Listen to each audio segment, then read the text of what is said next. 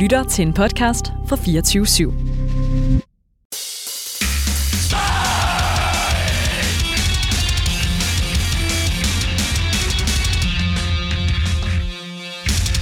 Du lytter til Støj her på 24 Mit navn det er Benjamin Clemens, og jeg har fornøjelsen af at være din vært de næste tre timer, hvor det altså skal handle om musik. Og øh, mere bestemt så skal det handle om øh, musik, der larmer en, øh, en lille smule, som programtitlen også øh, hentyder. Det her det er et øh, program om primært i virkeligheden dansk undergrundsmetal og hardcore, men i, aften der skal vi faktisk kigge på øh, noget internationalt. Det skal nemlig de næste to timer handle om en øh, fransk øh, post-metal, øh, screamo, hardcore, det finder ud af, øh, agtige øh, plade. Og det skal det, fordi jeg har øh, fået en øh, gæst i studiet, nemlig øh, dig, Victor Ravn, som man måske kender fra øh, Demersal eller Taylors. Velkommen til. Tak.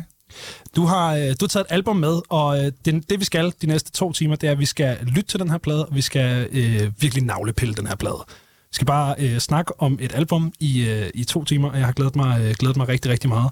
Øh, men før vi kaster os ud i og, øh, og øh, få, øh, få øh, snakket om, øh, om albummet, som du har taget med, og, og, og hørt det her musik, så synes jeg lige, vi skal introducere dig og øh, noget af den musik, som du går og øh, beskæftiger dig med.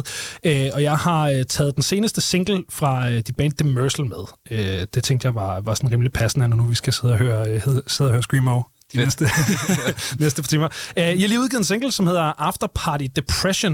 Uh, den, den er sådan rimelig ny, ikke? Det, det er et Jo, par uger. Øh, ej, lidt mere end et par uger. Måske, nogle, måske et par måneder, tror Okay. jeg. Men øh, ja, det blev sådan, øh, den blev udgivet som en del af sådan en, øh, sådan en, øh, sådan en compilation-plade med sådan 20, ej, måske 10, mellem 10 og 20 sådan andre screamer-bands over hele verden, som er sådan et rimelig ambitiøst projekt, Ja. en anden har stået for. Øh, og så, øh, Det var, så er det det hele indspillet det. live, som jeg tror, vi synes var ret fedt at gøre. Ja. Det er der ikke så mange, der lige har forstået, men det, ja, det hele er indspillet live. Så det vil sige sådan helt lavpraktisk for dem, som måske ikke er inde i indspilningsteknikker. De har stået i et studie og spillet helt samtidig. Yes. Ja. Frem for ligesom at lave den der klassiske lavkageindspilning, hvor så Ja, går lige guitaristen ind, og så går... Ja, fedt. Hvad, vil, du, øh, vil du give sangen et par ord med på vejen, eller skal vi bare kaste os ud i den? Øhm, altså, hvad skal jeg sige? Altså, den er, den er, den er super fed, altså. og øh, ej, jeg tror, at den, er, den har sådan en dobbelthed med, at øh, altså sådan After Party Depression kan jo godt lyde sådan lidt øh, komisk. Jeg tror, der er mange sådan, måske screamo-titler, der har sådan nogle lidt, du ved, sådan nogle, sådan nogle lidt... Øh, meget sådan kontrapunktiske titler, eller sådan nogle meget modstridende titler, ikke? Ja. Øhm, men at i virkeligheden, så tror jeg, der er taler, eller der er taler om en lidt mere, øhm, lidt mere større global øh, depression, nemlig, kan man sige, depressionen efter vores store forbrug her i verden, til vi ligesom har forbruget det, vi kan, og verden ikke kan klare mere, og det hele bare går op i røg -agtigt. Det er det, den handler om. Fedt. Så er der allerede øh, lagt god stemning for, øh, for døren fra starten af. Vi skal, vi skal høre den. Det her det er altså Demersal med After Party Depression.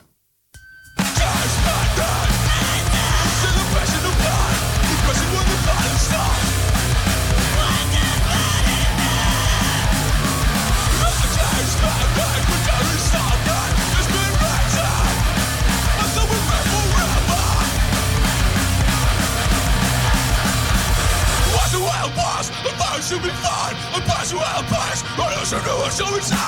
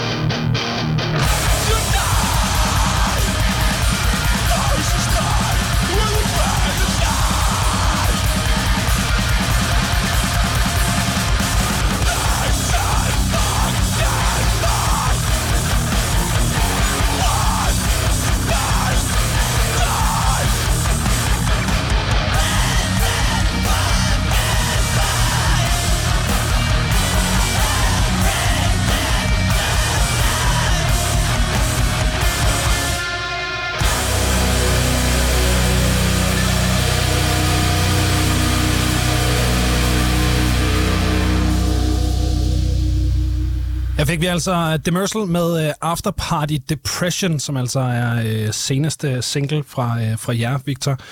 Um, og hvis man vil høre endnu mere om jer, så kan man jo faktisk gå tilbage uh, i uh, gemmerne her på, øh, på Støj, fordi der ligger faktisk et podcast, som kom ud tilbage i december sidste år, hvor vi snakker om, øh, om noget af jeres eget musik. Øhm, så hvis man er, hvis man er til øh, dansk screamo, så, øh, så kan jeg altså anbefale, at man, øh, man hopper tilbage. Men det er altså ikke dansk screamo, det skal handle om. øh, i den her udsendelse. Du har taget en fransk plade med. Ja, eller faktisk mere præcist en plade fra Basker landet med. Jamen er, er det... Okay, fordi det har jeg faktisk tænkt Ja. over. Fordi jeg så og kigget på teksterne, og der er både tænkt på fransk og på bask. Øh, Ja, men, men fordi... ja jeg, tror, jeg tror, det er fordi, altså Ba- Baskerlandet ligger lige der sådan mellem, øh, øh, mellem Spanien og Frankrig, eller sådan lige på grænsen mellem de to. Øh, og jeg tror, man snakker lidt begge dele der måske, og baskisk, så det er sådan lidt... Øh, jeg er ret sikker på, at de er fra Baskerlandet alle sammen, men de har, de har sikkert også nogle franske rødder, tænker de, og de, de, samtidig med, så øh, tror jeg, de bliver tit associeret med ret mange forskellige franske hardcore bands. Der, det har lidt sin egen ting, den der bølge der med franske hardcore bands, men, øh, men, så, så det er, der er både tekster på engelsk, fransk og baskisk, hvilket er ret Ja, interessant, det, det er ret, ret specielt. Ja. Øh, for jeg sad nemlig... Jeg, jeg, vil, jeg vil prøve at finde ud af, hvor de var fra i går, og så sad jeg og kiggede på et kort, og de er nemlig lige på grænsen til Baskerlandet. Ja. Så jeg var i tvivl om, det var ligesom mm. identiteten. Tænker jeg, hvis de har, har sange på, øh, på baskisk, eller bask, eller hvad det, hvad det hedder. Øhm, Jeg har i hvert fald lidt rødder både, tror jeg, i Frankrig og Baskerlandet Ja. på en eller anden måde.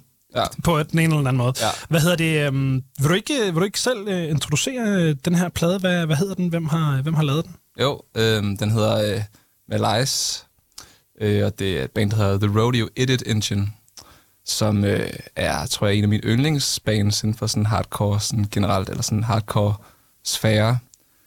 Øh, og, det, og den har plade, og egentlig også den inden. Jeg synes, man skal høre begge dele egentlig. Jeg havde svært ved at vælge, hvad for en jeg synes. Okay. Øh, Consequences er også rigtig fed. Øh, men det er bare sindssygt velskrevet. Øh, virkelig, virkelig fede øh, guitar øh, riffs og sådan... Øh, Øh, virkelig god dynamik, virkelig god trommeslager, virkelig fed vokal, men også på sådan en måde, hvor at... Øh, øh, fordi på en eller anden måde er det virkelig teknisk meget af musikken, men jeg synes, de gør det på en måde, hvor man ikke hvor man egentlig ikke lægger mærke til det. Altså, man lægger mærke til det kaotisk, men man lægger ikke rigtig mærke til, hvor, hvor fuck det egentlig er meget, meget af tiden. Altså, så, øh, men jeg synes bare, at det er en virkelig fed plade. Altså, jeg ved ikke sådan, øh, hvad der jeg har at sige. Altså, jeg tror, jeg tror, at den har inspireret ret meget mig, i hvert fald, når jeg skriver både for The Mercy og nogle af de sange, jeg har skrevet i Taylors. Altså, den der, øh, den der sådan helt... Øh, øh, lidt sådan meget... Sådan, den måde, de skriver riffs på i hvert fald, og den måde, de sådan har meget sådan deres den der både sådan virkelig kaotiske og onde lyd, men samtidig med er sindssygt emotionel også. Altså sådan sindssygt emo-musik, ikke? Altså de har virkelig en, øh, en virkelig fin blanding, som jeg synes bare er mega fed. Altså det bliver ikke for emo, men det bliver heller ikke for smadre. Det bliver sådan en god... Øh, sådan, det, det bliver nærmest sådan smadret med purpose på en eller anden måde, synes jeg, på en rigtig fin måde, som bare er mega fedt. Det tænkte jeg godt over, da jeg, da jeg sad og lyttede den igennem i går på, øh, på færgen fra, øh, fra Odden til Aarhus. Øhm, og, og, og lagde mærke til, at det var som om, den ligesom var sådan delt i lag.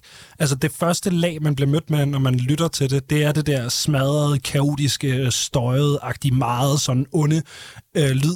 Men så ligger der altid sådan en eller anden lille melodisk undertone nedunder, hvor det sådan, der er en eller anden tråd af noget, øh, ja, noget melodiøst og noget, noget ja. Følelse og et eller andet i, i rigtig meget af det her. Noget, jeg synes er virkelig, virkelig interessant ved nogle af sangene, det er, at der er virkelig nogle melodier i guitarerne, der er sindssygt poppet i virkeligheden.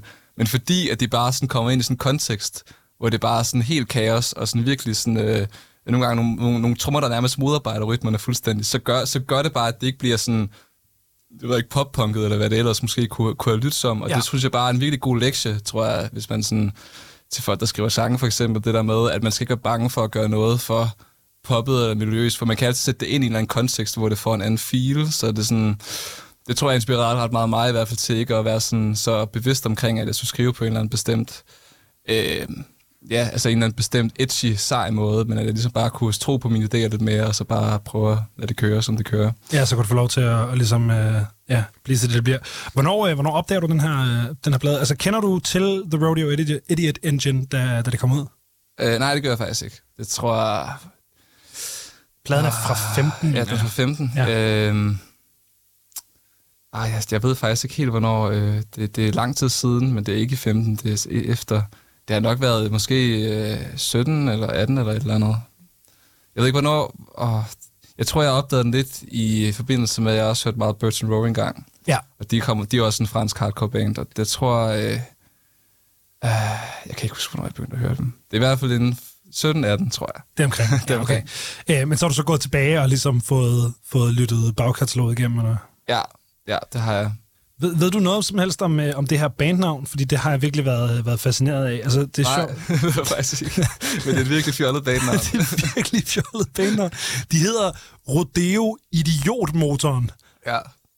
Jeg tror, jeg tror, jeg tror måske, øh, jeg tror måske en forklaring kan være, at sådan, øh, hvis man hører deres helt tidlige, så er det sådan meget øh, The Dillinger Escape Plan-agtigt, som Okay. jo også er et ret fjollet navn. Ja. Men, øh, men Dillinger Escape-agtigt på den måde, at det er mere mathy, uden at have det der sådan meget emotionelle over sig, eller det er i hvert fald på en anden måde.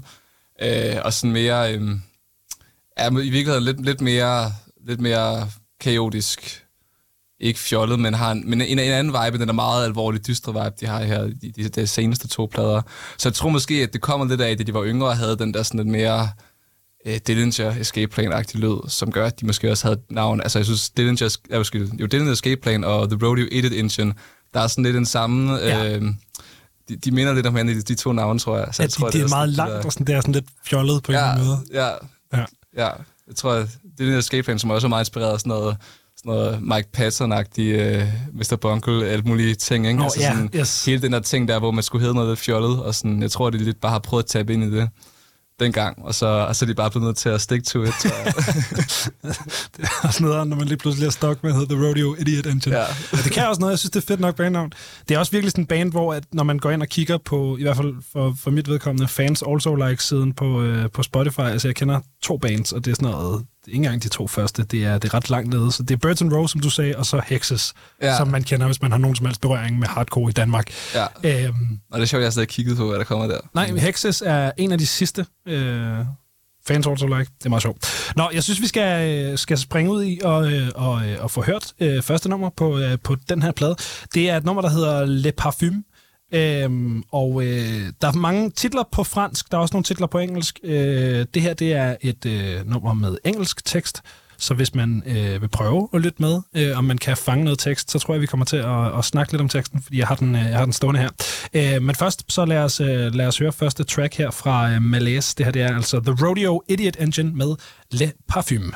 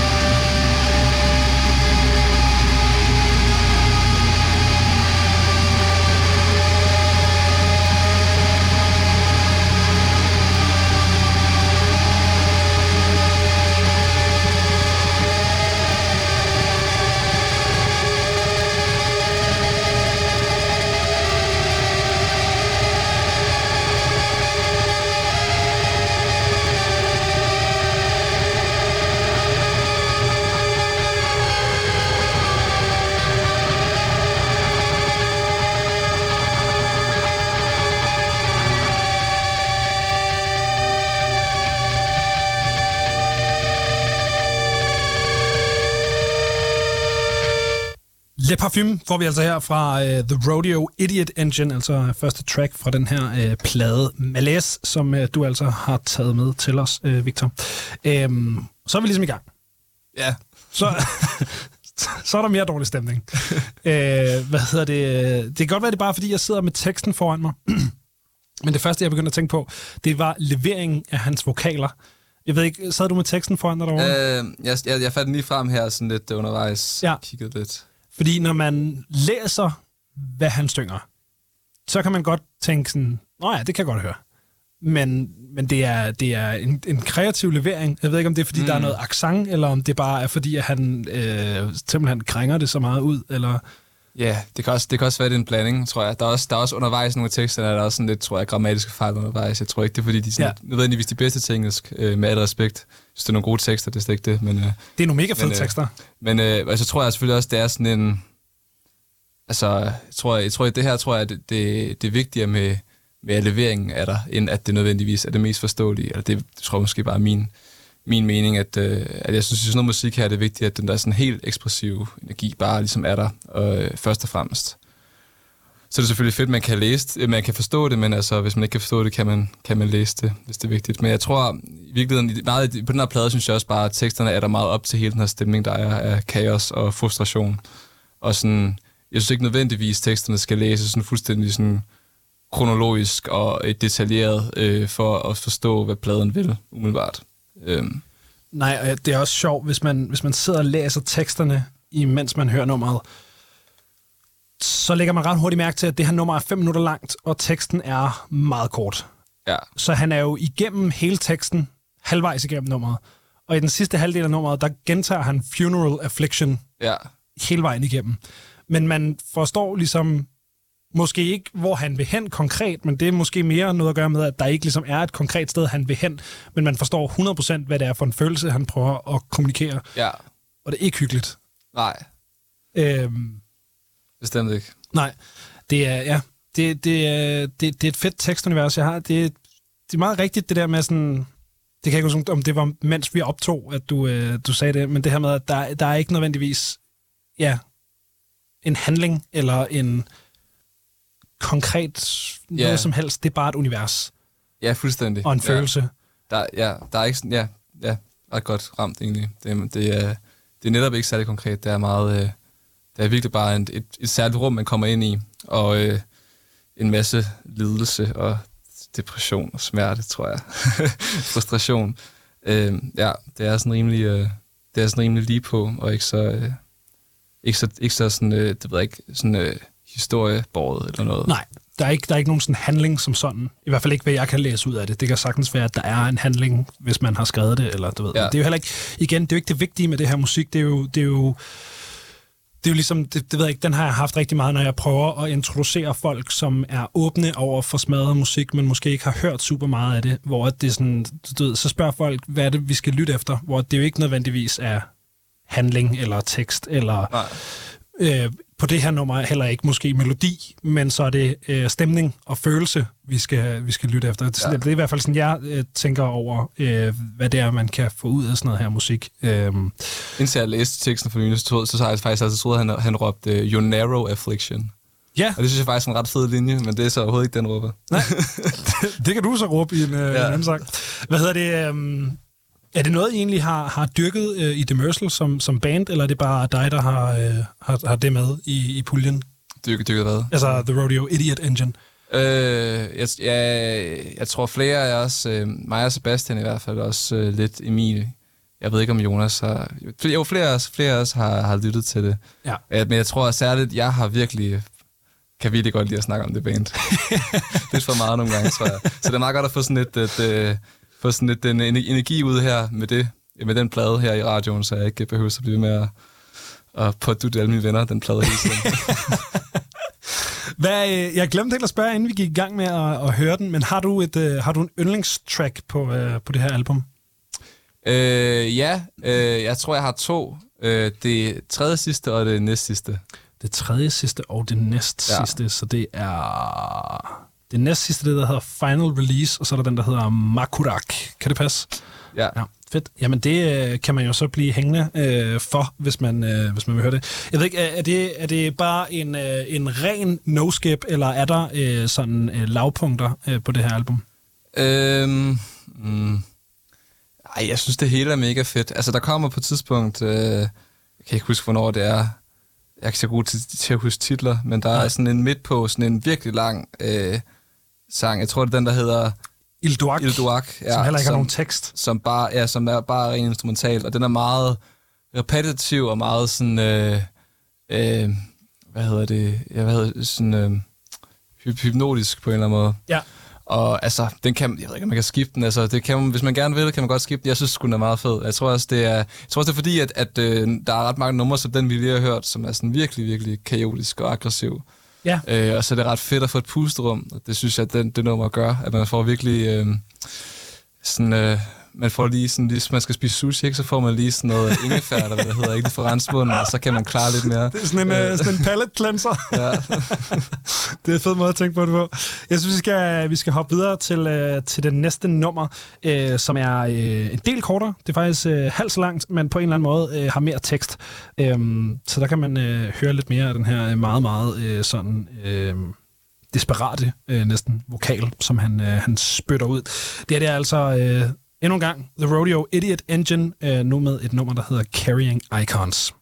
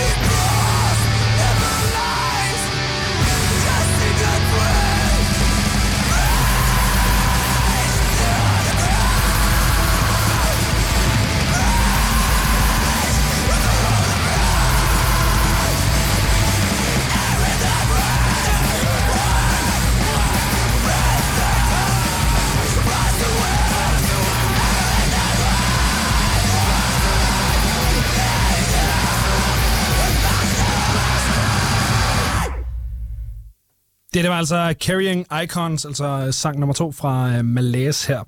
Øhm, to ting springer ind i, øh, i mit hoved, når vi, øh, når vi hører det her nummer. Det første det der øh, sådan lidt fjollet riff, øh, som også spiller lidt ind i det, vi snakkede om, ja. øh, som, som kører i, i, i starten af sangen, det der...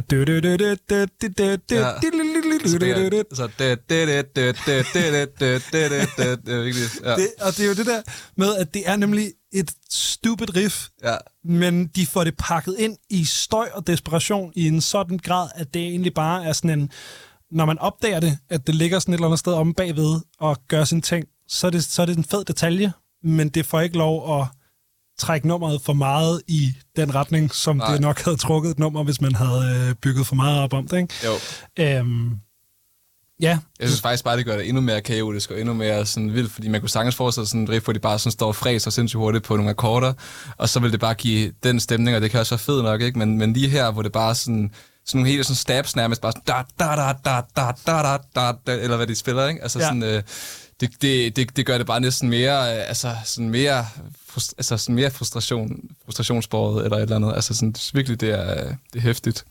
Det er super, super svedigt. Jeg synes også, det er fedt det der med, at man kan høre, fordi der, der er egentlig to ting mere.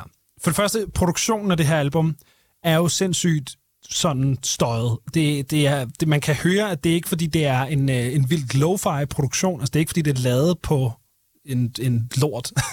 Men der, der er ligesom med vilje lagt sådan en, en eller anden wash af sådan agtig over alt på, øh, på albummet. Ja. Hvilket giver den den der følelse af, jeg er lige ved at falde hele tiden, men det lykkedes ikke at falde nogensinde. Måske ikke før man når til Il Duac, det der øh, sådan øh, energiske lavpunkt i hvert fald på, øh, på pladen.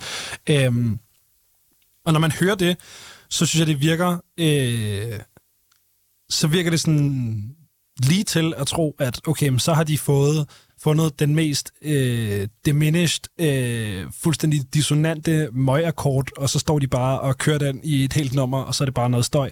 Men hvis man lige lytter efter, så er de ting, der bliver spillet, altså de harmoniske elementer ja. I musikken, er jo ret sådan storladende. Det er jo, det er jo sådan nogle øh, ja, store farvede akkorder, som giver det hele, nemlig den der følelsesladede ting, Ja. og ikke bare sur med sur. Ja, og den har også bare den virkelig... Den er det nummer for eksempel også. Faktisk også det nummer før, men, men det her næsten i særlig grad har også den der sindssygt fede vekselvirkning med at have de der sådan sindssygt quirky, øh, hvad hedder det, øhm, kaotiske rigs, vi lige har snakket om, men så pludselig så have sådan nogle øh, fuldstændig abrupte skift til det der sådan sindssygt sådan emo, sådan øh, emo-stykker, som er sindssygt store og episke og sådan emotionelle, øh, øh, og så komme tilbage til det der kaos, ikke? Altså sådan, det gør den virkelig godt, og sådan, ja, ja igen, det vi snakker om, det der med at pakke sin pakke sin, ikke pakke sine idéer ind, men ligesom stå, øh, kontekstualisere sine idéer i hvert fald til noget, der er sindssygt kaotisk. Øhm, så bare virkelig fedt. Det er bare virkelig fedt skrevet, synes jeg. Det er, det er sindssygt velskrevet. Øh, så kan man også, altså det der, det, det kan man jo så lytte, øh, lytte videre efter, når vi, øh, når vi kommer endnu længere med pladen. Øh, men at lytte efter det her med, hvad trommerne laver. Altså, vi trommerne er ret interessante på det her album, fordi de nemlig, der er ikke noget rock at hente på Nej. Den her plade. Altså, der, det, der er ikke nogen ACDC-trommer øh, overhovedet. Det, det er øh, ja, meget modarbejdende rytmisk, hvilket jeg tror bidrager til den der følelse af, at man ikke rigtig får fred, fra mm, man sætter ja. den her plade på, til man Ja. får lov til at komme ud på den anden side. Der er sådan andre måde. steder på pladen, hvor der er sådan nogle sådan mere straightforward riffs, men, men det bliver det aldrig, fordi trommeslageren bliver ved med at sådan virkelig bare spille helt vildt meget, og sådan spille ting, der netop øh, arbejder mod rytmen. Så bare, jeg tror, jeg tror hvis, han, hvis han ligesom var trommeslager i et andet øh, hard rock band eller et eller andet, så ville det nok få rigtig meget skæld ud og blive smidt ud af banen ret hurtigt, men altså sådan lige her, lige her fungerer det bare øh, sindssygt godt, fordi den virkelig bare den der stil der. Jeg synes virkelig, at trommerne bærer meget ge- generelt hele pladen. Altså, Det var, det var faktisk virkelig et punkt, hvor jeg tænkte, at det kunne være, at, at I havde hentet noget øh, inspiration, i hvert fald i Demersal. Øh, jeres trommeslager Emil har også øh, tendens til at, at spille øh, ikke så straightforward øh, til tider. ja. Øh, det ved jeg ikke, om det er noget, I har snakket om, eller om det er bare noget, der er sket i, i studiet. Vi har ikke udtalt dem som reference, når Emil laver trommer, men altså... Øh, altså jeg tror, at Emil har også hørt den plade. Jeg ved ikke, jeg ved ikke om han selv har draget noget inspiration, men jeg tror, der, der er mange... Der, der, der er flere sådan nogle kaotiske hardcore bands, der, der gør lidt den ting der, og sådan... Øh, ja... Mm, det er et godt spørgsmål. Vi har ikke udtalt at sådan, spille Nej. lidt mere som Rodeo i det engine, engine når, vi har været, når vi har været i øvelokalet eller noget, men... Øh, Altså, det være, skal også sige, at, at jeg, jeg snakker lidt fra sådan et udefra stående synspunkt, når det kommer til, til den her plade. Jeg har hørt rigtig meget punk, og jeg har hørt rigtig meget beatdown, men jeg har ikke ja. Ja. hørt særlig meget post-hardcore, Ja. eller sådan den der sådan screamo-lyd. Øh, så, så det er ikke noget, jeg er øh, super, super inde i, så det kan sagtens være, at det, er, det er, bare lidt fordi... sådan en screamo, øh, og emo-violence-agtig ting, det der med at, at bare spille virkelig kaotisk, og virkelig øh, spille meget på trommerne, føler jeg. øh, øh, så, så, så det er lidt en del af genren på en eller anden måde. Men jeg synes, jeg synes at de gør det exceptionelt godt, og exceptionelt meget, også, så det også bare bliver virkelig øh, kaotisk. Ja, også Og fordi... han, er også, han har sådan en tendens til også bare sådan hele tiden at lægge sådan nogle markeringer, sådan, hvis de har sådan en lang pause, tror jeg også, det havde på det nummer her, sådan, øh, med sådan, hvor, der får, hvor det får lidt mere fred, eller får lidt mere sådan episk, så har det sådan en tendens til hele tiden at markere sådan nogle helt sådan synkoperede sådan, øh, anslag, så det er sådan en, som kommer sådan lidt skævt ind hele tiden. Ja. Og det, er bare, øh, det skaber bare sindssygt meget liv, synes jeg. Der, der er også en anden ting i produktionen der, fordi at trommerne er, er, ligger ret fedt, synes jeg, i, i den produktion.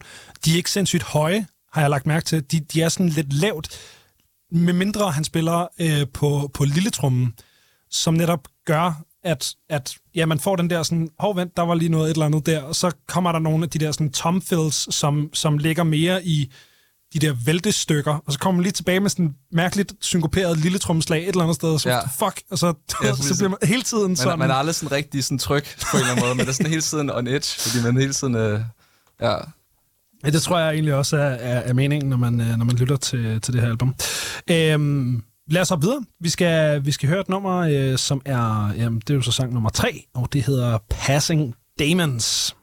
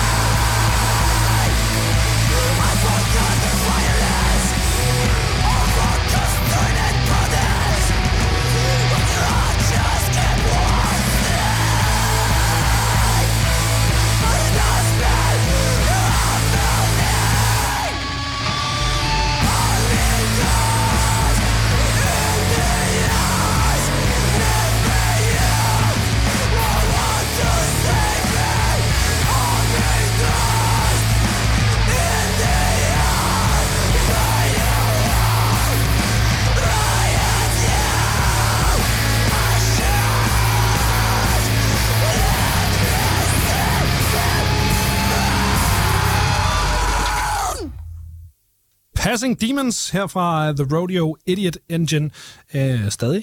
Øh, det er altså virkelig, virkelig et fedt nummer, synes jeg, det her. Det var også et, jeg, jeg blev mærke i, da jeg sad og lyttede den igennem i går. Jeg tror også, Øh, det er også hittet, tror jeg. Det er den, de lavede musikvideo til i hvert fald. Er det hittet? Ja. Nå, okay. Så er jeg jo bare en rigtig uh, mainstream ja. Rodeo Idiot Engine-lytter. Kæmpe Øh, emo-nummer også. ja. Virkelig, øh, Ja, men fedt. Mega fedt nummer. sindssygt fedt nummer. Her kan man virkelig også igen høre de der kaotiske, tror jeg. Jeg lægger mærke til de der, øh, det, er også, det bruger de virkelig på den her sang. De der meget kortvarige blast beats. Ja. Når så bliver der blastet i en takt, og så tilbage til at spille eller andet fuldstændig ukurant, mærkeligt noget. Ja. og så blastet i en takt, og så du ved det der, man kan virkelig aldrig øh, få ro. Øhm, hans vokal er sindssygt fed. Helt vildt. Og jeg ved ikke, om det bare er sådan, den her genre lyder, og det er mig, der ikke har lyttet nok til det, eller om... fordi Jeg, jeg synes, han har sådan... Det lyder af hovedpine for mig. Altså, det lyder som noget... Jeg ved det ikke. Det lyder bare ikke som noget, man kan gøre på en ordentlig måde. Eller er det bare mig? Øh, det ved jeg ikke. Jeg synes altid, det er svært at sige, om folk de, øh, øh, laver vokal på en rigtig måde. Øh, det, særligt de her genre her, fordi at tit en del af lyden er også at få det til at lyde virkelig smadret, og virkelig som om man, man kringer sig selv ud. Øh, jeg tror, når det er sagt, så tror jeg faktisk, at jeg læste noget af den interview en gang, hvor han snakker om, at da de skulle til indspille den her plade, så havde han nogle problemer med sin stemme. Ja. Men jeg synes, at hans vokal på den her plade er sådan vanvittigt fed. Altså sådan helt vildt. Øh, og sådan øh, nogle gange, øh, nogle gange, hvis han ligesom har haft, kan man synes, at man kan høre, hvis han har haft ret mange øh, sætninger i streg, så kan man mærke den måde, han sådan, at hans stemme, den måde, den bliver anstrengt på, at den får sådan en, lille, sådan en pivlyd med indover.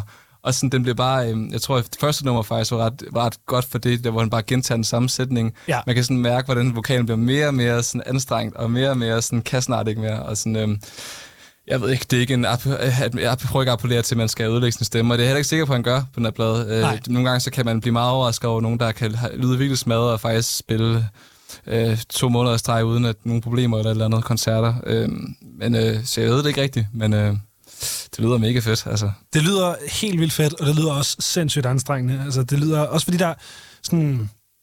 Ja, det lyder bare som et helt vildt desperat skrig hele vejen igennem. Der er, sådan, der er lige den rigtige mængde pitch på, og lige den rigtige mængde øh, skrald på Ja. ovenpå. Ikke?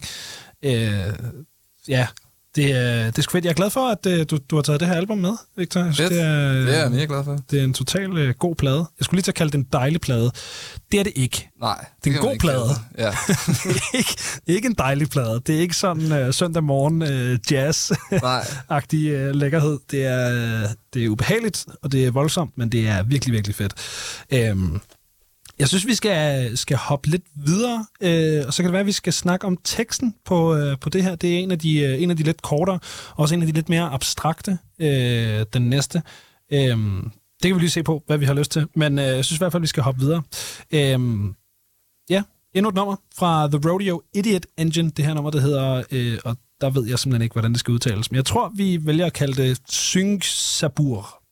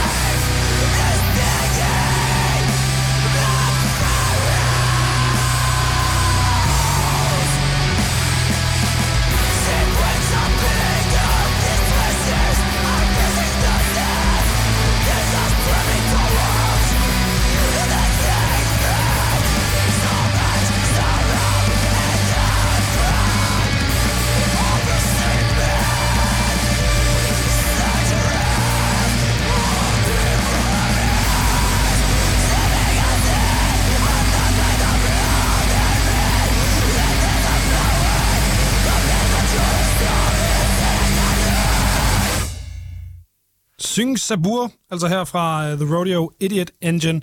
Uh, ja, der bliver demonstreret rigtig, rigtig meget uh, hvad hedder det, dynamik på det her nummer. Ja, Starter helt lavt med de der stryger, uh, og så kommer man op i det her fuldstændig smadrede uh, stykke, som faktisk bare eskalerer indtil det ligesom stopper bræt. Ikke? jo. Uh, jeg synes, der er noget black metal-karakter på, uh, på det her track. Ja. Jeg ved ikke, om det er bare mig.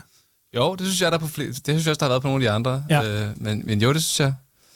Øh, og så er det bare, altså, virkelig, virkelig fede akkorder, synes jeg. Altså, når de, når de kigger ind der til at starte med. Der er sådan, øh, det er sådan black metal, men på den der måde, hvor der også kommer sådan du-akkorder ind en gang imellem. Ja, Og sådan virkelig gør det episk og mega fedt, altså, synes jeg. Ja, og sindssygt atmosfærisk. Altså ja. Virkelig, virkelig atmosfærisk. Der bliver virkelig malet med de der akkorder for ja, mangler ja. er bedre ord. Øhm, det var sjovt, du sagde, at, at uh, Passing Demons var, uh, var hittet. Jeg var lige inde og kigge på, uh, på Bandcamp. Du ved, ja. Den der funktion, hvor, hvor alle supporters kan skrive, hvad deres yndlingstrack ja. Er. Langt de fleste skriver Passing Demons, så det, ja. Det er ikke bare mig. Det er, det er totalt meget hittet. Øhm, mega fedt nummer her. Øhm, Og så synes jeg, det en, altså, jeg, ved, jeg ved ikke, hvad de... Jeg tænker nogle gange over den intro der, med de der, det der cello der.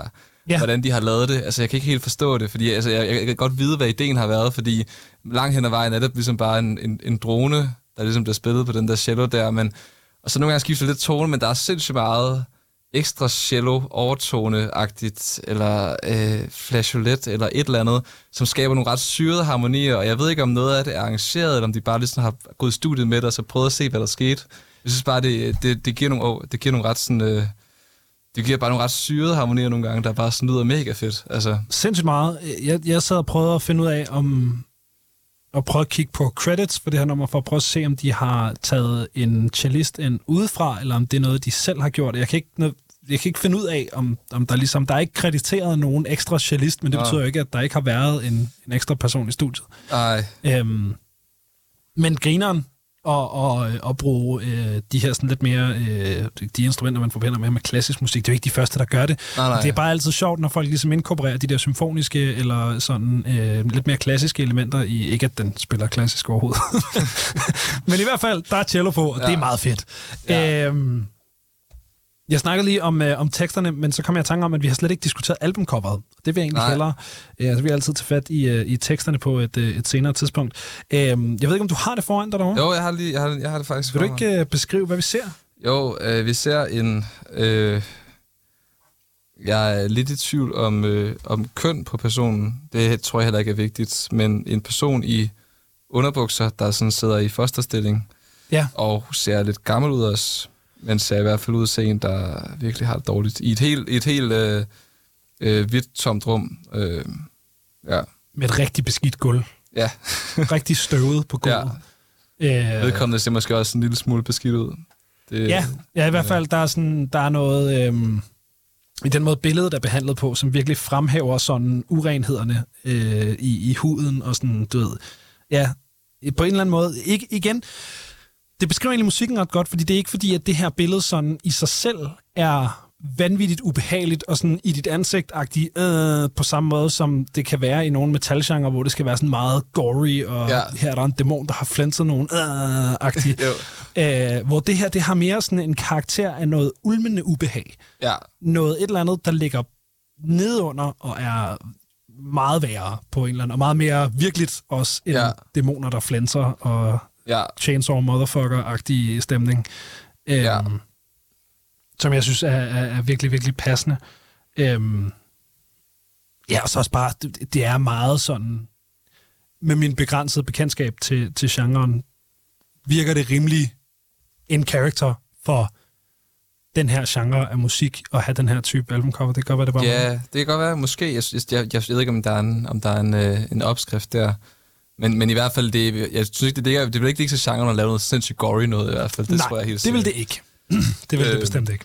Men det ligger godt til pladen, tror jeg også. Jeg tror, øh, igen, øh, med min begrænsede viden om bandet i sig selv egentlig, men, øh, så, øh, men så har jeg opstået et eller andet med på et tidspunkt, at jeg tror, at deres øh, forsanger har snakket om lidt om teksterne, og de, at de er skrevet lidt sådan øh, halvt selvbiografiske, eller sådan, øh, og, og sådan lidt, tror jeg, om, om øh, noget psykisk helbred.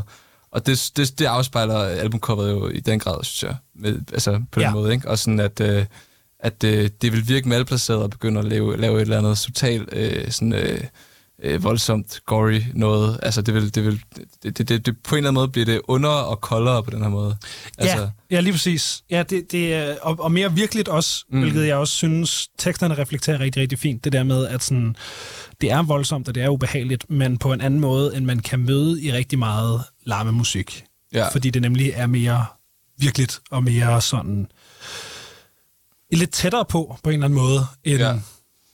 et eller andet om nogen, der er seje som slagter, eller et eller andet. Ja. Det, ved jeg ikke. Det er jo også det, er- det er en, en, en sjov sammenligning. Man kommer i hvert fald ikke i tvivl om, at, at det er dybt seriøst, den her plade. At det ikke er Nej, sådan noget... lige præcis. Øh, øh, altså, ikke at der er noget, det er også fedt at lave noget musik, der ikke nødvendigvis er dybt seriøst, eller bare gory for at være gory, eller et eller andet. Men, men, men i den her plade, man jeg fik tvivl om, at den skal tages seriøst. At Jeg, jeg tror, det var der, jeg prøvede at komme ja. hen. At man kan virkelig mærke, at det, nej, det er nemlig ikke fjollet, og det er Ja. ikke med en eller anden ironisk distance, eller et eller andet med sådan, nå, men vi er et konceptband, som har skrevet om et eller andet, det er meget, meget nært. Og, ja. og sådan, det er øh, på samme måde som...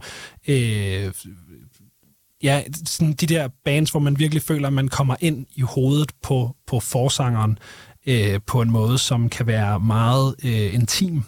Mm. Og, og, og i sådan intimiteten af teksterne og i det univers, der bliver malet, så er det, så er det sådan, der ubehagen opstår, eller den der ubekvemmelighed, der ligesom er i de her tekster, som jo er meget abstrakte. Altså, I'm a son who can't stop crying anymore. Uh, I'm not made of blood. Uh, altså, du ved... Det, det er jo ikke som om, at man får et eller andet sådan pisseskarpt billede ind i hovedet, når man læser de der ting, mm. men man kan godt mærke, at det er... Ja, det, det er på en eller anden måde sådan tankemøller nedfældet på papir. Og det Ja. ja. synes jeg, øh, jeg giver den her plade en, en karakter, som er helt vildt fed. Ja, det er rigtigt. Ja.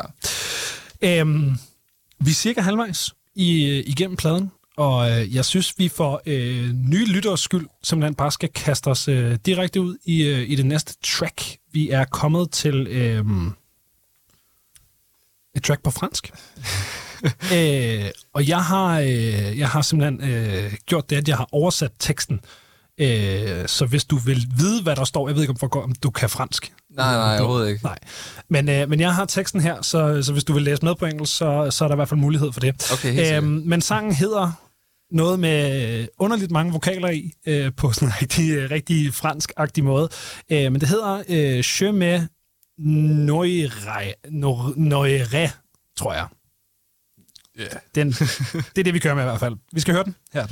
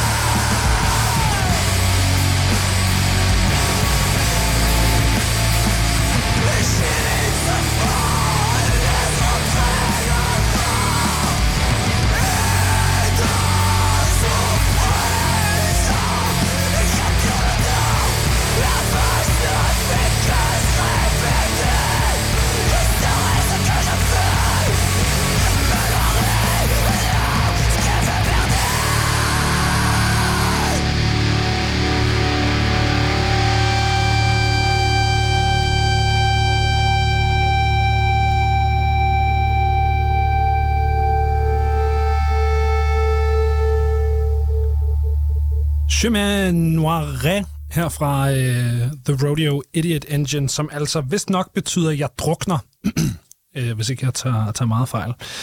Um, det er sjovt, fordi uh, jeg har siddet og læst med på, på teksterne, siden vi kastede os ud i første sang på det her album. Ja. Uh, og det er den første sang, jeg ikke fatter en skid af. Nu har vi så den engelske tekst. Um, jeg synes indtil videre, at det her er den fedeste tekst på, på pladen. Jeg ved ikke, hvad du synes. Uh, Ja, ja, ja. nu fik du mulighed for lige at læse med her. Jeg synes faktisk, det er den tekst, jeg har sværest ved at forstå øh, umiddelbart, faktisk. Ja, Øhm, jeg ved heller ikke, om jeg forstår den bedre. nej, end, end teksterne på resten af pladen. Øh, men jeg synes virkelig, at den kan et eller andet. Øh, men jeg tror også bare, jeg synes...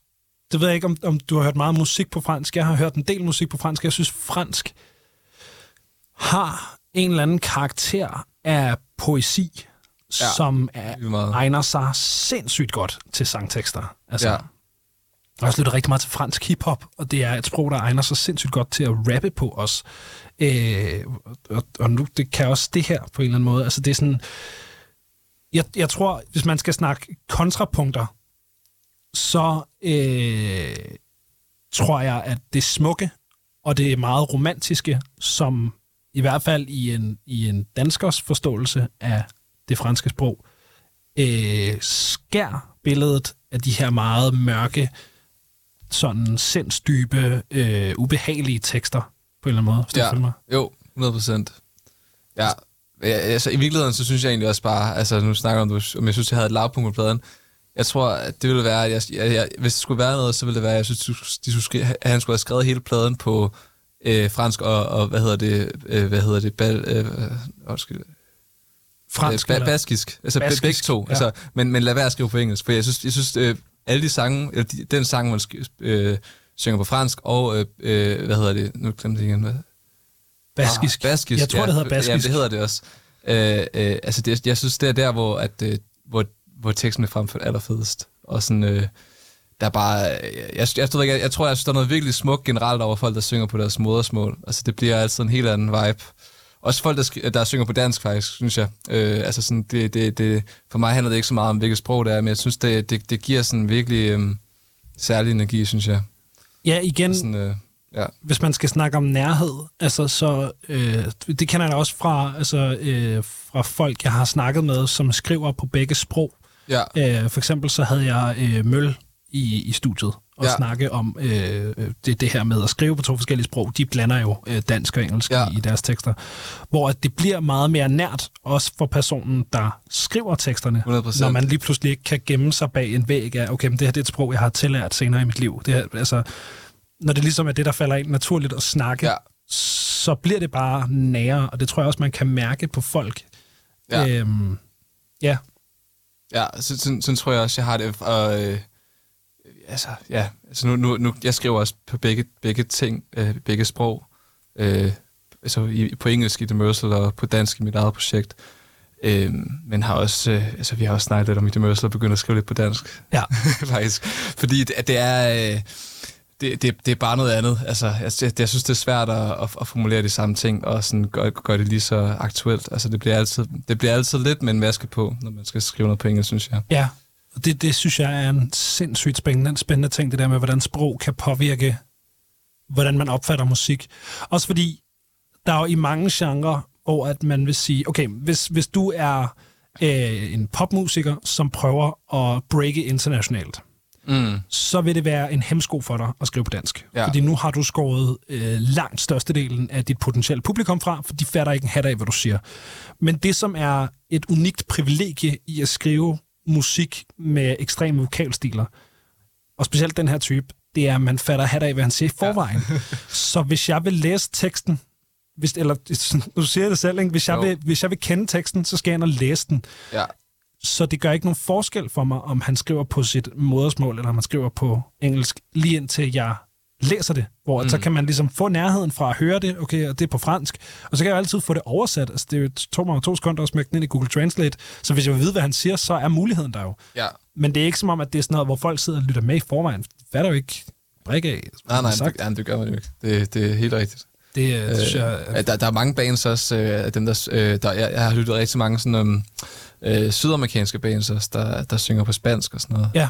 Øh, og sådan, jeg, ved ikke, jeg ved ikke hvorfor, men jeg synes, der er en virkelig særlig vibe på rigtig mange øh, sådan, sydamerikanske øh, hardcore bands. Der er sådan, det, er altså, det er også altid sådan noget, hvor alle, alle, er, alle er forsanger, og alle, alle råber hele tiden i munden på hinanden. Det er virkelig fedt, synes jeg. Ja. Øh, og så på spansk, og det giver bare sådan helt vildt sådan fed community-følelse. Men, men der, der har de også sådan, tit sådan tendens med på Bandcamp for eksempel, at oversætte tekster nedenunder, så man altså lige kan læse det også Ja. fra, øh, fra andre lande, der Fra- snakker spansk. et ikke spansk talende land.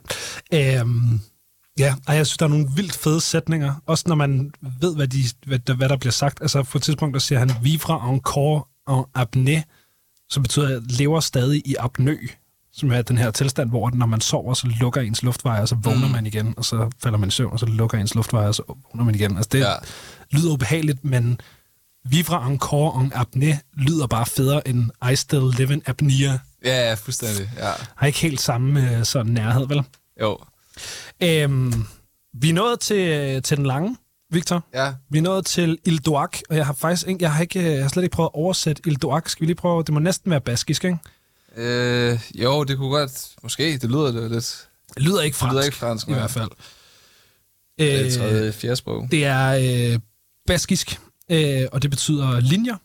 Nå, okay. Ja, uforudset, men, øh, men fair. Vi skal i hvert fald, øh, i hvert fald høre den. Øh, og det her det er jo så øh, en af de mange privilegier, øh, der er ved at lave øh, taleradio. Fordi det, vi skal høre nu, det er et øh, 7 minutter og 14 sekunder langt instrumentalnummer. Øh, og det vil ikke kunne lade sig gøre, hvis det her var øh, quote-unquote rigtig musikradio. Nej. Øh, men det er det ikke. Det er taleradio, og det er jo, øh, det er jo sindssygt dejligt. Præcis. Så øh, nu har vi snakket. Nu er det tid til øh, 7 minutter og 14 sekunders instrumentalmusik. Øh, vi snakkede lige inden, øh, i, i, i, hvad hedder det, da vi snakkede øh, tidligere, øh, snakkede vi lige om øh, det her med, at hvis man skulle vælge et lavpunkt på pladen, så ville det nok være nærliggende at vælge den her, fordi der ikke sker så meget. Ja. Øhm, men jeg synes, at man lige skal prøve at give den en chance med det der, vi snakkede om med, at og, og lade den blive repetitiv, og lade den blive Ja. sådan messende, og øh, hvad hedder det, det, det er sådan trance-inducerende på en eller anden måde. Ja, og prøvede at lægge mærke til guitarrollerne. Altså sådan, øh, det, det, det, det, det, det, jeg synes jeg, de virkelig godt. Jeg, jeg snakkede i starten om det der med, at jeg synes, guitar, øh, øh riffsen og rollerne er virkelig fede, fordi de har nogle virkelig forskellige ting, de gør. Og det er virkelig tydeligt, det her nummer, hvordan de sådan lidt kører sådan lidt, nogle gange parallelt, nogle gange sådan lidt i kanon, og nogle gange sådan virkelig sådan øh, øh kontrapunktisk. Altså på den måde, de, de, de sådan har sådan hver sin rolle, som giver noget større samlet set, og skaber en eller anden større sammenhæng. Og jeg synes, hvis man lægger mærke til, hvordan de, for, de for to forskellige guitarer sådan hele tiden sådan kører lidt ind og ud af hinanden, og nogle gange spiller sammen, og nogle gange ikke gør, og man altid skaber noget sammen. Og det skaber bare sindssygt meget i forhold til hele opbygningen i hele nummeret. Øh, og det synes jeg, man skal prøve at lægge mærke til. Det er fedt. I hvert fald. Det kan man så gøre. Det her det er i hvert fald uh, The Rodeo Idiot Engine med nummeret El Duac.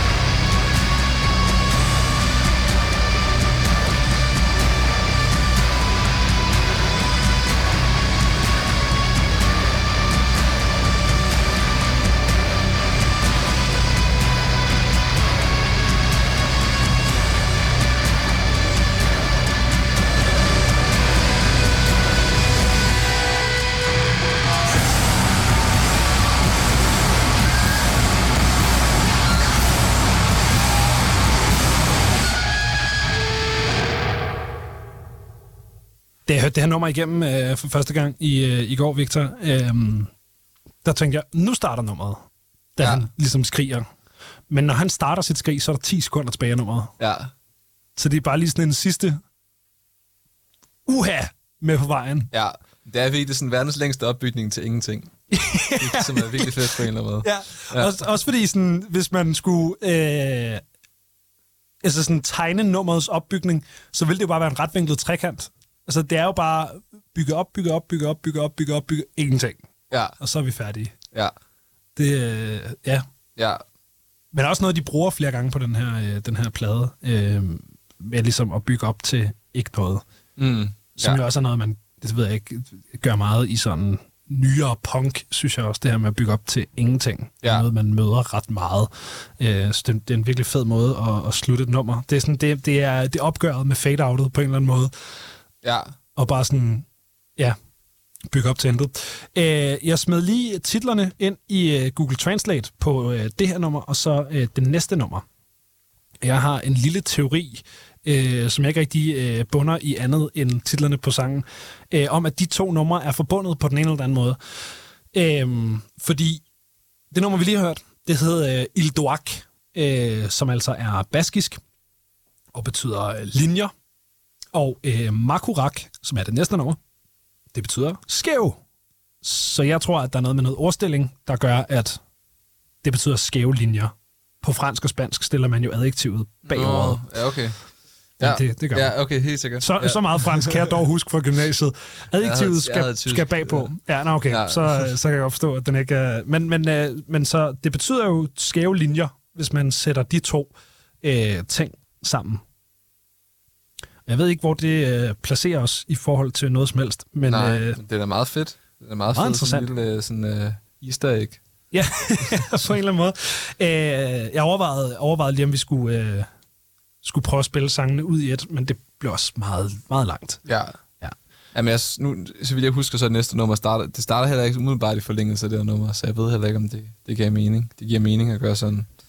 Men det er også fordi, det, det er svært at komme tilbage fra Ilduak på en eller anden måde. Altså det er, det er meget sin egen sluttede lange opbygning til Ja. ingenting, og så kommer vi tilbage efter det. Eller sådan, det, det vil være mærkeligt at køre videre på en eller anden måde. Det, så tror jeg, det vil miste noget momentum, Ja. hvis man, hvis man ligesom havde gjort det, at de to sange var et track. Det ved jeg ikke, om man kan gøre. Jeg ved ikke, om det er samme tempo og tonart og sådan noget der. Nå, ja. Men hvis der ligesom var kommet noget efter øh, den der opbygning, så tror jeg på en eller anden måde, at det havde, så havde det været ikke lige så fedt. Fordi så havde det været ligesom de der, det ved jeg ikke, om du kender, men de der sange, hvor at der er en meget lang intro. Og så er man sådan lidt, åh, jeg vil gerne høre nummeret agtigt. Ja. For eksempel Knock Loose udsendte en EP sidste år, det ved jeg ikke, om du har hørt, Jo, som hedder jo, øh, meget fed EP. Ja, fucking sindssyg EP. Ja. Det første nummer på den uh, EP, som by the way hedder A Tear the Fabric of Life, hvis man ikke har hørt den, så gør det nu. Ja. Uh, ej, gør det, lyt programmet færdigt, og så gør det lige med det samme bagefter, fordi ja. det er virkelig, virkelig en, uh, en syg EP. Um, det første nummer på den EP, uh, Where Light Divides the Holler, starter med sådan 40 sekunders uh, radiostatic og uh, sådan øh, ja, små samples og en, der nynner, og så kan man høre en bil, der skrider ud, og så starter ja. EP'en ligesom. Og, og det, er, det er mit personlige yndlingsnummer på den plade, det er Where Light Divides the Holler. Så jeg har ret ofte bare hørt den sang på en playliste, eller i sammenhæng med noget et eller andet, Ja. lige smækket den i kø. Og der er det, der er det lidt irriterende med sådan en 40 sekunders øh, lang intro. Men det er meget fedt i, i, i sådan en pladesammenhæng. Sindssygt det fedt i er jo sådan pladesammenhæng. virkelig sådan en historie, der bliver Ja. ja. bygget op. Ja, og hvis man ser kortfilmen, som hører til, samtidig med, at man Ja. hører det, så er det mega fedt. Det er slet ikke det. Men sådan, det er jo, det er jo en streaming eller Victor, skal du tænke Ja, på. det er rigtigt. Ja. Ja. Jeg, Lige så whack som det er. jeg, er ikke så meget, jeg er ikke så meget en streamer, tror jeg. du ikke så meget en streamer? Nej, det er jeg faktisk ikke. Nå, hvordan, hvordan hører du så din musik? Jamen, Har du en bare på- iPod? Eller? Nej, bare sådan albums. Jo, Jeg streamer, jeg er ikke så meget sådan, du ved, der streamer forskellige sange. Jeg, jeg, jeg er ikke en playliste-type. Jeg, jeg, jeg, jeg, streamer, det gør jeg. Ja, men jeg, jeg, jeg, jeg, jeg, er ikke en playliste-type, så på den måde så hører jeg altid ting i sammenhæng. Ja. Så på den måde synes jeg, det er meget fedt, at, at det er sådan Ja. et... Uh, Ja, jeg, jeg er også øh, et, et kæmpe albummenneske, men en gang imellem, jeg kan fx godt lide at lave sådan øh, playlister for hver måned med ting, jeg går og viber med, så jeg kan gå tilbage og huske nogle af de ting, som jeg måske kun har lyttet igennem en, øh, en enkelt gang. ja. Øh, og det kan være meget hyggeligt at sidde og høre de der playlister, og så er det altså bare lidt irriterende med sådan en Ja, det kan jeg godt forstå. Ja. Mega, mega lang intro, selvom Ja. det fungerer røvgodt. Det skulle have lavet et track for sig selv, ikke bare med introen, ikke? Ja, men, det er heller ikke sejt. Det er heller ikke sejt. Det er ligesom, det, der er nogen, det ved jeg ikke, om du har lagt mærke til, men sådan, det der, man gjorde en gang, den gang, hvor der ikke var noget, der hed streaming, hvor det var øh, de her mere øh, håndgribelige formater med hidden tracks. Øh, Jo, ja. Hvor der, der synes jeg engang, imellem, jeg har set, når det så bliver opdateret til streaming, at hidden tracket bliver et track for sig selv. Og sådan, nej, nej, nej, nej, nej, det er ikke sådan, Ja, det ja. fungerer. Det sidste track, det er et kvarter langt, Ja. og øh, 10 af de minutter, det er stillhed. Ja. det, er, det, det er den fede måde at gøre det på.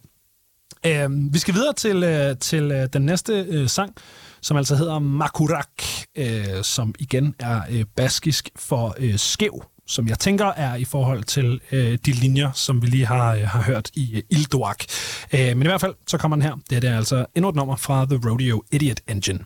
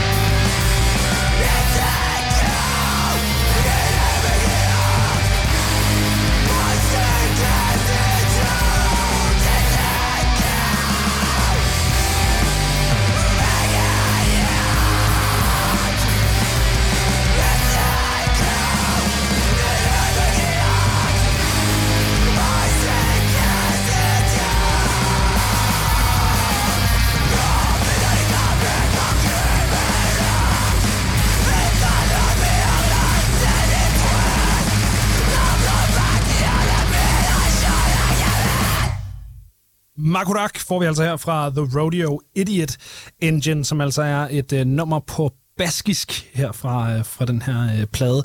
Øhm, og det snakkede vi lynhurtigt om, øh, hvor jeg så blev til at stoppe dig, Victor, fordi du er åbenbart sat helt vildt meget ind i... Øh, Ah, ikke helt vildt meget. du var sat langt mere ind i det, end jeg er, i hvert fald.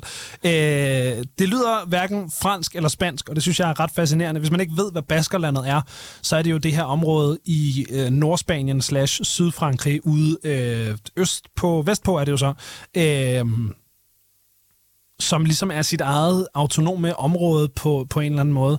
Øhm, I hvert fald i Spanien. Øh, hvad, hvad, hvad, hvad sker der her? Det, det lyder jo hverken som spansk eller fransk. Det lyder jo sådan næsten balkanagtigt på en eller anden måde. Ja, altså jeg læste lidt om det, og, øh, og det er vist den eneste sådan... Øh, øh, det stammer fra sådan en, en eller anden sprogstamme, som øh, det er det eneste bevarede sprog for den sprogstamme, og det, så vidt jeg kunne læse, så var det det eneste, eller et af de eneste sprog i Europa, som har en ikke-indo-europæisk øh, oprindelse.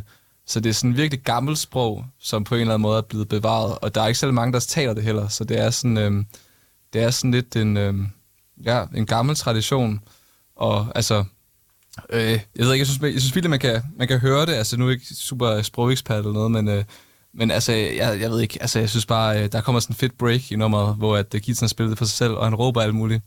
Og altså, det lyder, det lyder bare, som om man bare står og kaster besværgelser ud eller eller andet. Det lyder bare sindssygt, altså, det lyder sindssygt ondt. Jeg tror, det er det mest onde, jeg kan komme i tanke om. Det lyder bare så mega fedt, altså. Øh, virkelig fedt sprog. Der er ret mange ting, vi har i vores alfabet, som ikke er med i det sprog. Til gengæld er der sindssygt meget X'er og Z'er, eller er det Y'er eller noget. Der er sådan, jeg tror det er X og Z, Der er er der bare sindssygt mange mange, øh, Ja. meget brugt i det sprog. Det Det griner er nok. bare mega fedt sprog, altså. Nu har jeg, nu har jeg lige fundet øh, Wikipedia-siden som rigtig dygtig journalist. Øh, og, og kan se, der står, at det er et language isolate, altså et, øh, et, et sprog, som ikke rigtig hører sammen med noget andet. Altså, så ja. Kender man jo, du ved, dansk, svensk og norsk. Ja, ja, Fransk, fuldstændig, spansk ja. og italiensk hænger alle Men det har det gjort, men jeg tror, de andre, de er ligesom blevet de er ligesom uddøde med, ja. at, øh, at, at, øh, at den indo-europæiske sprogstamme overtog for, jeg ved ikke, lang tid siden. Men altså, så, så det er ligesom det eneste lidt bevarede sprog derfra. Det griner nok. Der er kun øh, 6.000 mennesker per 2016 i hvert fald, som ikke snakker andet end bask. Eller baskisk. Shit, mand. Det er altså virkelig ikke særlig. Ja. mange mennesker.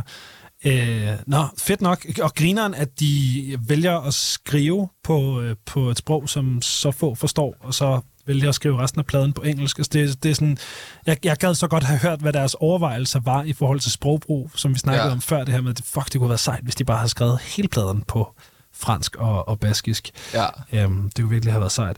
Øhm, jeg lægger mærke til en ting, til gengæld. Og nu bliver det spændende, fordi at øh,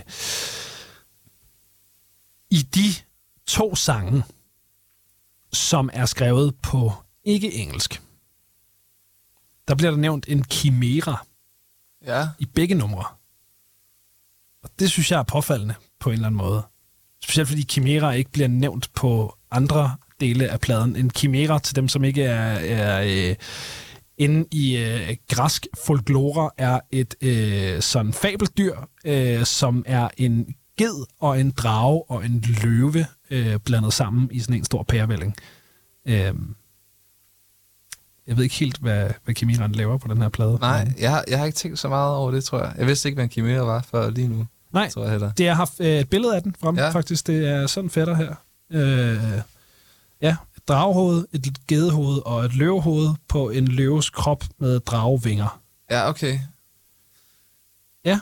Sindssygt besværligt dyr til gengæld. Altså, Sindssygt besværligt dyr. Øh, ja, men det, det synes jeg bare er påfaldende, at, at øh, den bliver nævnt to gange på pladen, og det er på de to øh, tracks, som ikke er skrevet på engelsk. Øh, Il faut brûler ces chimères. We must burn these chimeras. Og på baskisk, øh, der bliver der sagt, Nahasten dituen landbro batan nabil axolagabe, som hvis nok betyder, I am careless- carelessly wandering in a mist of merciless chimeras and shadows. Så det kan også være, der er gået noget galt i min oversættelse. ja, Øh, Det kan sagtens være. Øh, Jeg er ret sikker på, at det franske ord rent faktisk betyder chimera. mm, Meget mærkeligt. ja. Det, kunne man jo have, det, det kan man helt sikkert bruge rigtig lang tid til at, til at sidde og, og tolke på. Øh, det har, har vi desværre ikke rigtigt. Øh, men ja, det, det er ellers ikke sådan ikke et tekstunivers, hvor man vil forvente at møde Nej, det, det er faktisk... et øh, mytologisk dyr. det, det går en lille smule ud af, hvad hedder det nu... Øh, sådan, øh, åh, jeg kan ikke huske ordet for det, men når man ligesom har en masse ord, der sådan minder om hinanden, og så er der noget, der stikker fuldstændig i en retning. Hvad Ja. er det, hedder. Øh, det, det hedder... Det er så længe siden, jeg har haft dansk i folkeskolen. altså, øh, hvad hedder det? Men, men det går ligesom ud af den, den kan man sige, de, den, den øh, samling af ord, øh, altså sådan, øh, som ellers er sådan rimelig... Ej, det er, ikke, det er jo ikke, fordi han ikke er poetisk. Han er jo sindssygt poetisk. Han er super meget, meget, meget, meget, tiden, ikke? Men det er ligesom om det der med, at der pludselig kommer sådan dyr ind, det bliver sådan meget øh, mytisk på en eller anden måde, som går lidt ud af kontekst. Ja, lige præcis. Øh, det er faktisk ret sjovt, at det ligesom er valgt at gøre det. Jeg kan meddele, at øh, chimera betyder chimera på fransk. Så i det franske nummer, der siger han i hvert fald chimera. Ja, så ved vi ikke helt med det baskiske, og det ved jeg heller ikke helt, hvordan jeg skal undersøge, for jeg har ikke lige adgang til en øh, baskisk til engelsk øh, ordbog. Men, øh, men ja, hvis der er nogen, der øh, vil undersøge det videre, så kan man jo vælge at gøre det. Det har vi øh, desværre ikke rigtig hverken mulighed eller tid til. Øh, mulighed ja. for eller, eller tid til. Men der er i hvert fald et eller andet øh, subplot med en chimera på et album, som ellers ikke lugter langt væk af sådan en øh, historiefortælling. det kan være, det er noget med sådan øh, struggling med det øh, personlige, og så Ja, skal der det er også lidt, man har, dæmon. at man eller- ikke kan finde ud af, hvad dyr man uh, tilhører, eller et eller andet sådan et spirit animal. Jeg ved Ja. ikke, altså, det er, Om det er ged, ja. eller løve. Ja, Det er jo øh, to klassikere og en ged i hvert fald. ja. Ja. Men øhm, Øhm. øh, mega fedt nummer. Altså, jeg startede også faktisk med at sige, at det her til det næste nummer er mine to yndlingsnumre, og det tror jeg stadig står ved. Jeg synes, det er et mega fedt nummer. Hvad er det Og de to... apropos, øh, apropos black metal, så det er også, der er også ret meget øh, evilness i det her nummer. Så Ja. bare, øh, jeg tror, jeg synes, det understøtter sindssygt meget af det der sprog, der synes bare lyder mega fedt. Altså, virkelig. Det lyder totalt sejt. Øh, hvad er det, de, de, her, øh, de her to numre, der gør, at det er dine højdepunkter på, på albumet? Altså, jeg tror helt klart, at højdepunktet i den der sang, det er de der breaks, jeg snakker om før, hvor han bare står og, og fyrer besværgelser af. Eller, altså, det gør han jo ikke, men det lyder bare mega fedt. Altså, jeg ved ikke... Øh, øh, og sådan, øh, det er bare... Jeg ved ikke... Øh, nu skal jeg lige se... Jeg, jeg har ikke skrevet nogle fede noter til det her, hvorfor jeg synes, det var fedt. Øh, jeg kan nemmere snakke om, hvorfor jeg synes, det næste nummer er fedt, tror jeg. Jamen, så lad os, øh, så lad os, så lad os tage Øh, den bagefter. Ja, der, jeg, jeg, ved, jeg tror bare, det, jeg synes, der var virkelig fed øh, afvisning mellem sådan, øh, dynamik og sådan, øh, og sådan breaks, og sådan, det er der også på andre numre, men der er sådan virkelig, de er virkelig gode til at skrive numre, der ikke er sådan, øh, som ikke er særlig, jeg ved ikke, øh, vers omkvædagtige, men sådan virkelig kontinuerligt på den måde, at det skifter hele tiden stykker, og det vender ikke særlig meget tilbage. Øh, og det gør det bare på sådan en virkelig fed måde på det her nummer, synes jeg, og på andre numre også, hvor det bare sådan... Øh, øh, det føles ikke som om, at de ikke har vendt tilbage på noget tidspunkt. Men Nej. altså, det, det er virkelig bare, igen, bare fordi det er virkelig godt skrevet. Det er sindssygt godt skrevet. Jeg synes, der er noget fedt i det der med at høre noget på et sprog, fordi sådan, med det franske nummer, øh, der har man trods alt hørt nok fransk, øh, om det så er i sådan bare populærkultur, at man du ved, har stiftet bekendtskab med fransk i et eller andet noget historieundervisning, eller øh, det kan være, man har haft det i gymnasiet, altså, men, men på samme måde som med øh, tysk og italiensk og spansk, og sådan, så er der nogle sprog, hvor at selvom man ikke kan snakke dem, så kan man ligesom godt finde ud af, hvilke ord der var hvilke ord. Altså man, man kan ligesom mm. skælne ordene fra hinanden, ja. Hvor at øh, jeg skulle virkelig holde tungen lige i munden for at finde ud af, hvor han var i det baskiske, altså i hvilken sætning han var, hvornår, ja. For jeg kan, jeg kan slet ikke følge med. Altså det er ligesom at høre øh, musik på koreansk eller et eller andet. Det er så fremmed, øh, det sprog. Jeg fatter ikke en bjælle af, hvad han siger. Nej. Så det bliver nemlig det der meget sådan det bliver på en eller anden måde mere hektisk, fordi man ikke fatter noget af, hvad der foregår. Altså, og det, det synes jeg bidrager ret fedt til, til den der stemning der. Ja. Lad os høre, øh, høre det næste nummer. Det er, det er meget screamo af dig, at du har øh, valgt det korteste nummer på pladen som, øh, som dit højdepunkt. ja, Øh, det er mega fedt. Sindssygt fedt. Vi skal høre det. Det, er- det er altså The Rodeo Idiot Engine med Final Relief.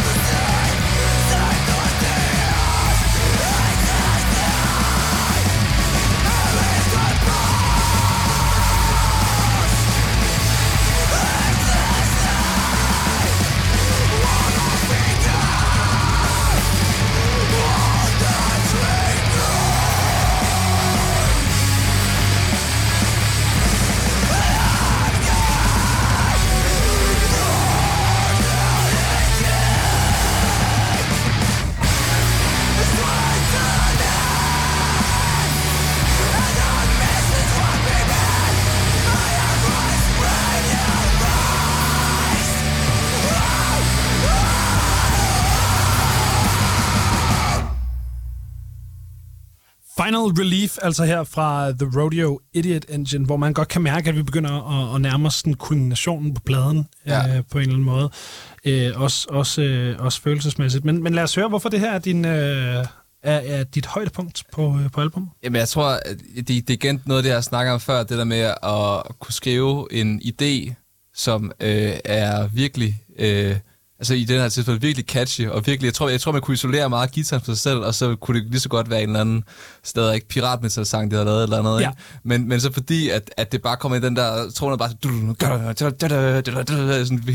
spiller hele tiden imod, og sådan den der vokal, der bare går helt amok, ikke? Også, og så nogle sindssyge, sådan abrupte skift mellem sådan, øh, alle mulige stykker hele tiden, og sådan kommer hele tiden på sådan, du ved, afslag, og sådan, kan ikke rigtig finde sådan, øh, så gør det bare, at det bliver sådan sindssygt catchy, men med sådan et totalt kaotisk underlag, altså sådan, øh, Øh, så jeg tror bare, jeg, jeg er virkelig vild med den der altså, melodi, der lidt bliver et tema. For kommer, kommer først sådan rimelig clean, den der... Do, do, bow, da, do, do, do, do, do, do, do, do, do, som egentlig er virkelig sådan... Altså, virkelig ikke, tror jeg, normalt vil høre hjemme i sådan en sang her, men den kommer bare ind... Altså, først kommer den ind sådan rimelig øh, Øh, sådan rimelig grounded, man forstår melodien, og så anden gang det kommer, så kommer den lige der total øh, fillede øh, kaostrummer, som bare gør, at det bliver sådan fuldstændig øh, skævt og øh, aggressivt, og sådan bare virkelig fedt. Og så er der bare nogle virkelig store, episke akkorder, altså sådan, øh, der er bare ikke øh, læflet for noget som helst, og de tør stå ved det, og det er bare mega fedt. Altså.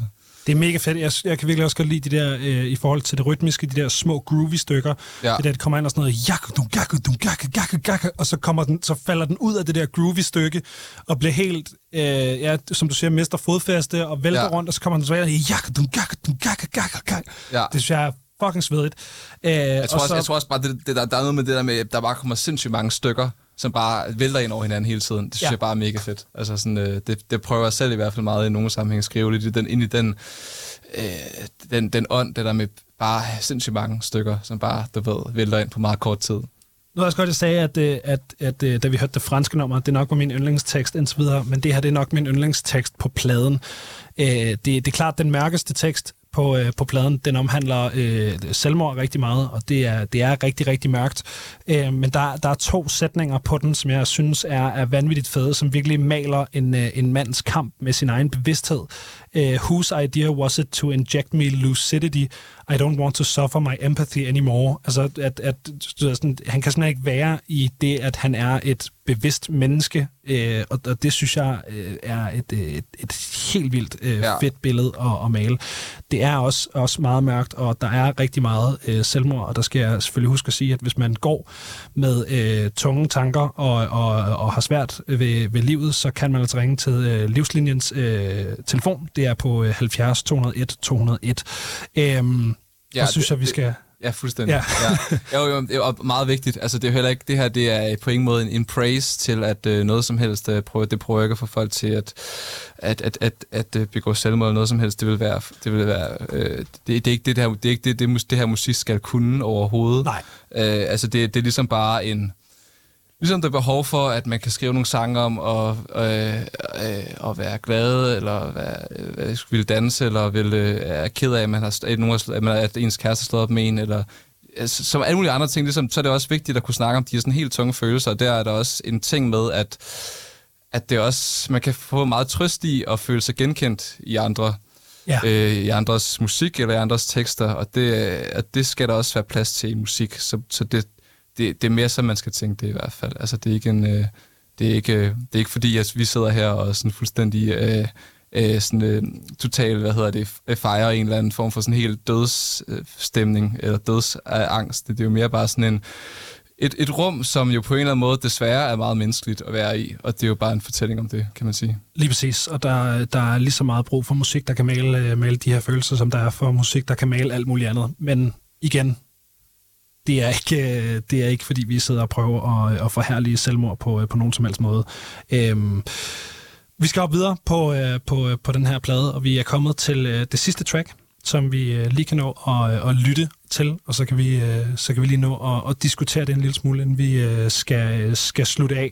Øh, men det er altså øh, sidste track her på øh, pladen, der hedder Thousand of Nails, og øh, jeg ved ikke, om du vil give det øh, noget med på vejen, eller om vi bare skal kaste os ud i det. Altså, det er faktisk også et, en af mine yndlingstracks. Jeg synes, det er virkelig, virkelig fedt. Øhm, og det har en virkelig... Øh, det er meget, meget tungt, og igen går lidt under samme, øh, samme øh, vej, som det, vi lige har hørt med... Øh, øh, sådan et, det, det andet hedder Final Relief, ikke? og det går lidt under samme stemning der med at, øh, at give slip i virkeligheden, og ja. falde ned i afgrunden. Og det, der, den har sådan en meget lang, sådan episk outro, som ikke er, øh, eller som er meget filmisk, og sådan... Øh, på en eller anden måde, synes jeg. Igen vender vi tilbage til nogle sådan et kor ting, som bare er sindssygt, øh, ja, sindssygt stemningsfyldte og fede, synes jeg. Det er det altså Thousand of Nails fra The Rodeo Idiot Engine.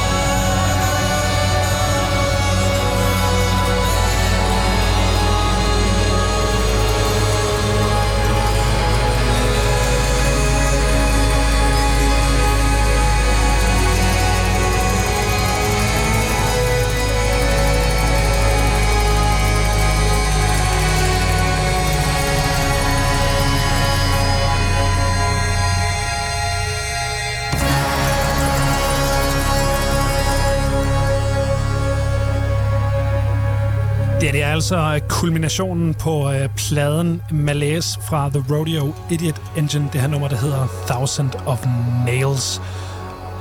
Og jeg ved ikke, du, øh, om du lige vil knytte en, øh, en sådan lukkende karakter til den her, øh, den her plade. Nu havde vi ikke øh, helt lige så god tid, som jeg havde øh, håbet på her efter øh, det sidste track. Øhm, jamen altså ikke udover, øh, udover det, jeg også lige sagde tidligere, øh, inden vi gik i gang med, at, at det er jo sådan en... Den her øh, outro her, som igen, jeg har tænkt, tænkt meget om, hvordan fanden de lige har fået den øh, stat på benene. Jeg ved ikke sådan helt, om, hvordan, om de har arrangeret det på forhånd, eller, om, eller, hvad der, eller, eller sådan, hvordan, hvordan det er skrevet, tror jeg. Men, men det bliver virkelig altså, filmisk. Øhm, sådan meget sådan... Øh, jeg tror, det er sådan meget sådan... Øh, det er sådan meget sådan filmmusiktruppe, det der med at køre sådan lidt lyder lidt mellemøstligt. Øh, Ja. tro- sådan en lidt mellemøstligt tro, men det, det giver bare sådan sindssygt episk og sådan nærmest mytisk øh, stemning, som også er meget... Altså, det giver meget, det giver meget, meget et billede af det der med at, sådan at finde ro, nærmest i sådan en stort gravkammer eller et eller andet, som bare sådan Ja. bliver sådan forlagt hen eller et eller andet. Sådan, øh, ja, meget, øh, meget fed måde ende pladen på, synes jeg. Men Ja, for virkelig det afrundet godt. Ja, men, men, det, men det, bliver ikke, det bliver ikke sådan en det bliver ikke sådan stille øh, afsked. Det bliver sådan meget, meget dyr, episk slutning. Altså, man kan nærmest se det for sig sådan rent filmisk, synes jeg. Men det synes jeg også er vigtigt, når man er kommet igennem den her plade, hvor at man, som vi flere gange har snakket om, ikke får lov til at sidde stille, ikke får lov til at hvile sig, ikke får lov til ligesom at have det der øh, afbræk, at man så slutter på den der sådan helslutningsagtige, ah, nu er vi færdige ja, med at lytte til virkelig. pladen, og så kan vi Ja. ligesom gå videre med vores normale liv. Ikke? Ja. Øhm, vi er desværre løbet tør for tid, men øh, Victor, du skal have øh, tusind tak for, at du gad at komme og, øh, og dele det her album med mig. Det var Tusind øh, tak. Jeg er glad for at dele det. Kære lytter, du har lyttet til et program fra 24-7. Du kan finde meget mere modig, nysgerrig og magtkritisk taleradio på 24-7-appen. Hent den i App Store og Google Play.